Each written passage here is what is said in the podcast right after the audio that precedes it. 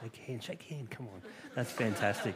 No, Aneshka did fantastic, but also I know that she practiced as well. So that's another thing. That, that, that, is, that is the key. Well, that is the key. She's done so well. So um, please, I probably embarrassed you, Aneshka. I'm sorry. Um, but you did a really good job and you modeled what it is to read the Bible well, even with difficult passages. So well done to you.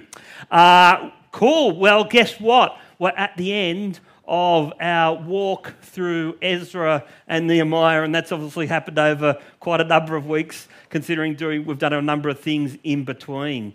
Uh, but uh, as we come to the end of Ezra and, and, and Nehemiah, it, it seems like God's people are back on track.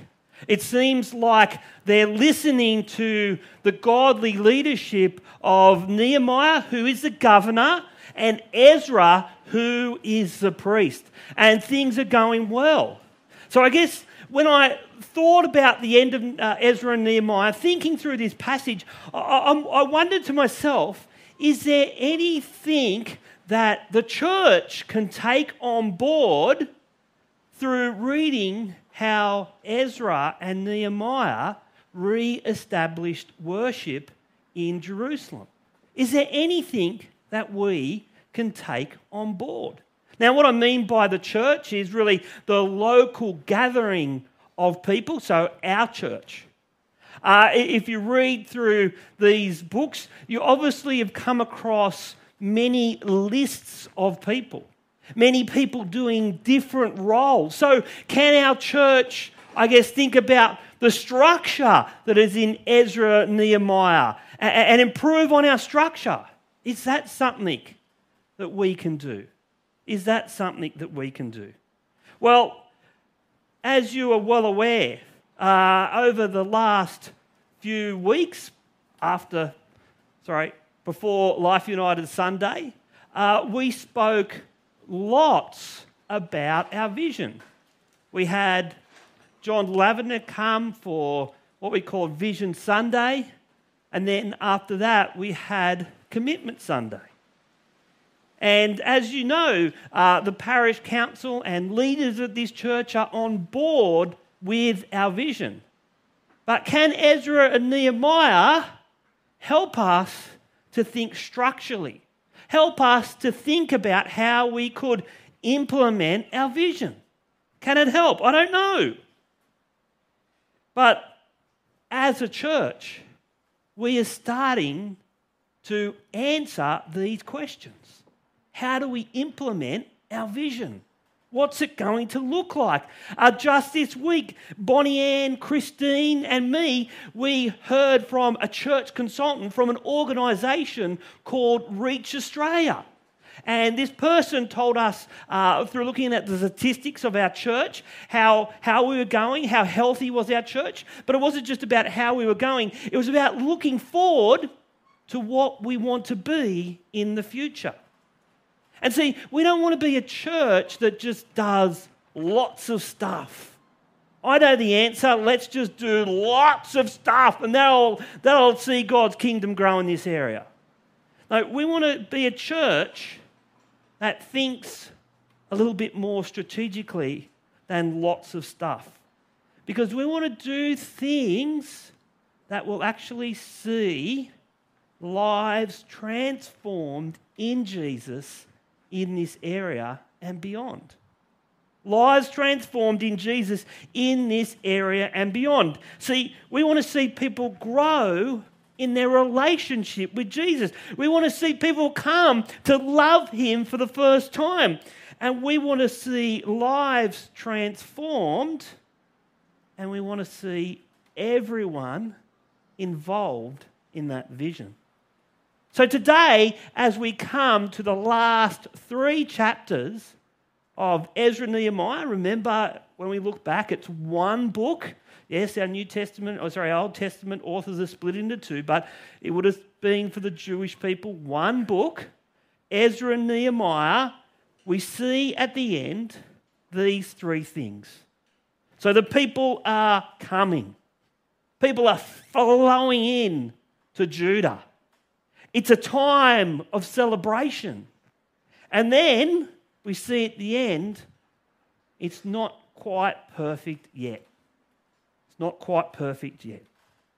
Now, I think Ezra and Nehemiah wanted lives transformed in their day. They wanted the temple, they wanted the sacrificial system, and they wanted a wall. They wanted to see worship the way God wanted re established. And this is a picture we actually see in chapter 11, where there's many people coming into Jerusalem and the surrounding areas. So much so that it says they cast lots to see who would actually live in Jerusalem and who would stay in the surrounding towns. And if you've got your Bibles open there to chapter 11, you can see on the page there, there's lists and lists of people, isn't there? There's Judah's descendants, there's Benjamin's descendants, there's priests, there's Levites, and there's gatekeepers. There's further divisions between the priests and Levites. There's even diplomats spoken about and farmers as well. There's lots of people, and they are all working together to worship the Lord how he wants to be worshipped worshipping the Lord how He wants to be worshipped. And it must have been such an amazing thing to see all these per- people doing so many different things to serve God and each other. Friends, as a church, we want to serve God and serve each other. And I guess that's why we talk about it so much. We spoke about it on Commitment Sunday. When you filled in your form, you may have filled in the section your commitment to serve because we think serving's important. After this service, we're going to have our newish or newcomers course called Life Together. And in part of that course, we talk about serving. We talk about serving because it's important. And serving is important because it fits into our goal to see lives transformed for Jesus. Now, how do we serve is important. We obviously serve God first. And as we serve God, well, we also serve each other. And serving, if you think about it, actually helps you to grow as a Christian because it takes the focus off you and it focuses on God primarily, because that's who you're serving, and others around you. So it's not about you, it's about God and others. And that's something that actually Jesus wants us to remember always, and serving actually helps us to do that. It's really important that people find a place where they can serve for their own spiritual growth. But I also want to push a little bit further. See, we can all serve in a variety of ways. But to serve effectively for God, we need structure. And was actually seeing structure in the book of Ezra and Nehemiah. They don't just rock up and do things, it's actually very well structured. Yes, our church, well, it already has some structure, but we need to continually build on this structure because we're actually a growing church in a growing area. So the ability to scale up is actually really, really important. See, we need more leaders, not just paid staff members. Mark Collins, Adam Johnson, Bonnie Ann, they're not going to save the day. We're just here to support you as you grow in Christ through loving and serving Him and others. See, the good thing is actually we're already doing this. There's great examples in this church where teams of people are serving together. The celebrating area of our church has a structure. It has people leading this ministry and caring for the people in this ministry. We have area leaders, team leaders, and lots of team members who are wanting to improve our music and gatherings each Sunday. And they're motivated to see this happen because they know that improving the gathering will contribute to more people's lives being transformed in this area. Now, just take for example, yesterday, Saturday, when you guys were having a great time, there was a team of people here rebuilding our whole AV system to get it working uh, better and more efficiently. I didn't ask this to happen. This team just decided to do it on their own because they get the vision. Hey, that's like God speaking. how did that happen, Toby? That's a trick. Um, but they, they, they got the vision that they want to see lives transformed, and they know that if we have good audio visual stuff, that actually helps with that goal. See, as a church, we're moving towards teams of people serving God and each other because we know it's really important to see more lives transformed for Jesus in this area.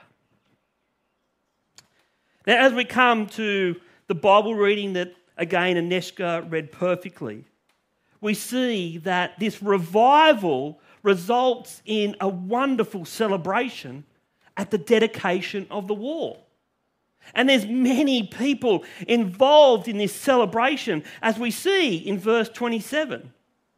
At the dedication of the wall of Jerusalem, the Levites were sought out from where they lived and were brought to Jerusalem to celebrate joyfully the dedication with songs of thanksgiving and with the music of cymbals, harps, and lyres. Then we have a procession, or two processions, or choirs, as it says in the NIV. And they're described in verses 31 to 39. There's lots of people involved. It must have been a magnificent celebration. And then in verses 40 to 41, this wonderful processions, well, they arrive at the temple. There's trumpets, there's singing, there's more celebration. And then it says, on that day, they offered great sacrifices, rejoicing because God had given them great joy. The women and children also rejoiced. The sound of rejoicing in Jerusalem could be heard far away. Friends, the sacrificial system, their worship is restored. And the people are so excited. It can be heard from miles and miles away. And I guess when I read this passage, my mind sort of went to maybe when we open our new building. What sort of celebration are we going to have? Are there going to be trumpets? Are there going to be harps? Are there going to be cymbals? I don't know. Now, just on that note, I know we talk a little bit about our building, but uh, Keith Notley and I on Friday met with the builder and also a Dyson representative uh, who just spoke to us about what it's going to look like uh, when the earthwork starts. So things are actually going to start happening very soon and God willing, we will be in a building sometime uh, next year towards the end, uh, or maybe if uh, we get poor weather and things don't go according to plan, hopefully early 24. Uh, but it's going to be exciting, and that will actually open up more opportunities for ministry and also the ability to worship in our own building, which will be exciting. But, friends, even without the building, what we've been doing for the past five or so years, we can actually still worship God joyfully because it isn't about the building. We can do it because our hearts should be so in tune with God that we want to worship Him wholeheartedly, yes, here on Sundays, but also throughout the week, whatever we do. And we could worship God the way He wants to be worshipped because of what Jesus has done on the cross. He saved us from our sins and He has opened the door for us to have a new relationship with God. All we have to do is trust in Him. See, Jesus is the one who calls us into the heavenly church where we will worship Him forever. But actually, the wonderful thing is that the Bible tells us that we are already seated with Him in this heavenly church. We are already in heaven. And the gathering that we have on Sunday in the local church is actually an expression of the heavenly church. It's not perfect like the heavenly church will be, but it's an expression. And so, what does that mean? Well, it means that we can worship God joyfully. We could worship like the Israelites did because it's God who gives us this joy. It's not something that we earn, it's a gift that's given from God. Friends, Hebrews chapter 12, verse 28 says this Therefore, since we are receiving a kingdom that cannot be shaken, let us be thankful and so worship God acceptably with reverence and awe. Our gatherings want to point people to Jesus. And this is why so many people are working so hard to serve in this way, to improve our gatherings and make them a true blessing. Are we there yet? No. Are we heading in the right directions with the right people and the right leaders? Yes. Will the building help? Well, maybe. But if our heart isn't in the right place to begin with, the building's just a building. Friends, we should be thankful and we should worship God acceptably with reverence and awe because He has sent His Son into the world to save sinners like us and He has given us the Holy Spirit, which helps us to worship Him in the way He wants. And we hear in Ezra, or sorry, in Nehemiah, that the way He wants is with joy, because it's the joy that God has given us through His Son. But as we continue to look at chapter 12, the part that we didn't read, there's actually something more to God's people's worship. There's a practical element. See, they just didn't rock up at the temple to get some sort of great experience. Temple worship and this celebration were just part of their whole life of worship because they did what God was re- required them in His Word. So, as we look at verse 47, there's an example there, isn't there? Where people brought their contributions, first fruits, and tithes to the temple to look after the priests and Levites. This was part of their worship. Their weekly work was a source of worship. Do you know, friends, that what you do during the week is also worship. It's worshiping God because you have Him at the center of your life. Friends, worship is a whole life experience. It's not just a Sunday thing, it's not just about being on a roster. It's loving God by doing what He says and living a life dedicated to Him. That is the heart of worship. Full dedication to our Lord Jesus Christ. And that's wonderful. Now, as we've read through Nehemiah, we've read through chapter 11 and 12, it seems like the Israelites have got it all together like I guess many of you listening to me now. You have it all together, right? Yep, yep. I know Brad does, obviously. Or maybe that's the perception the Israelites wanted to give.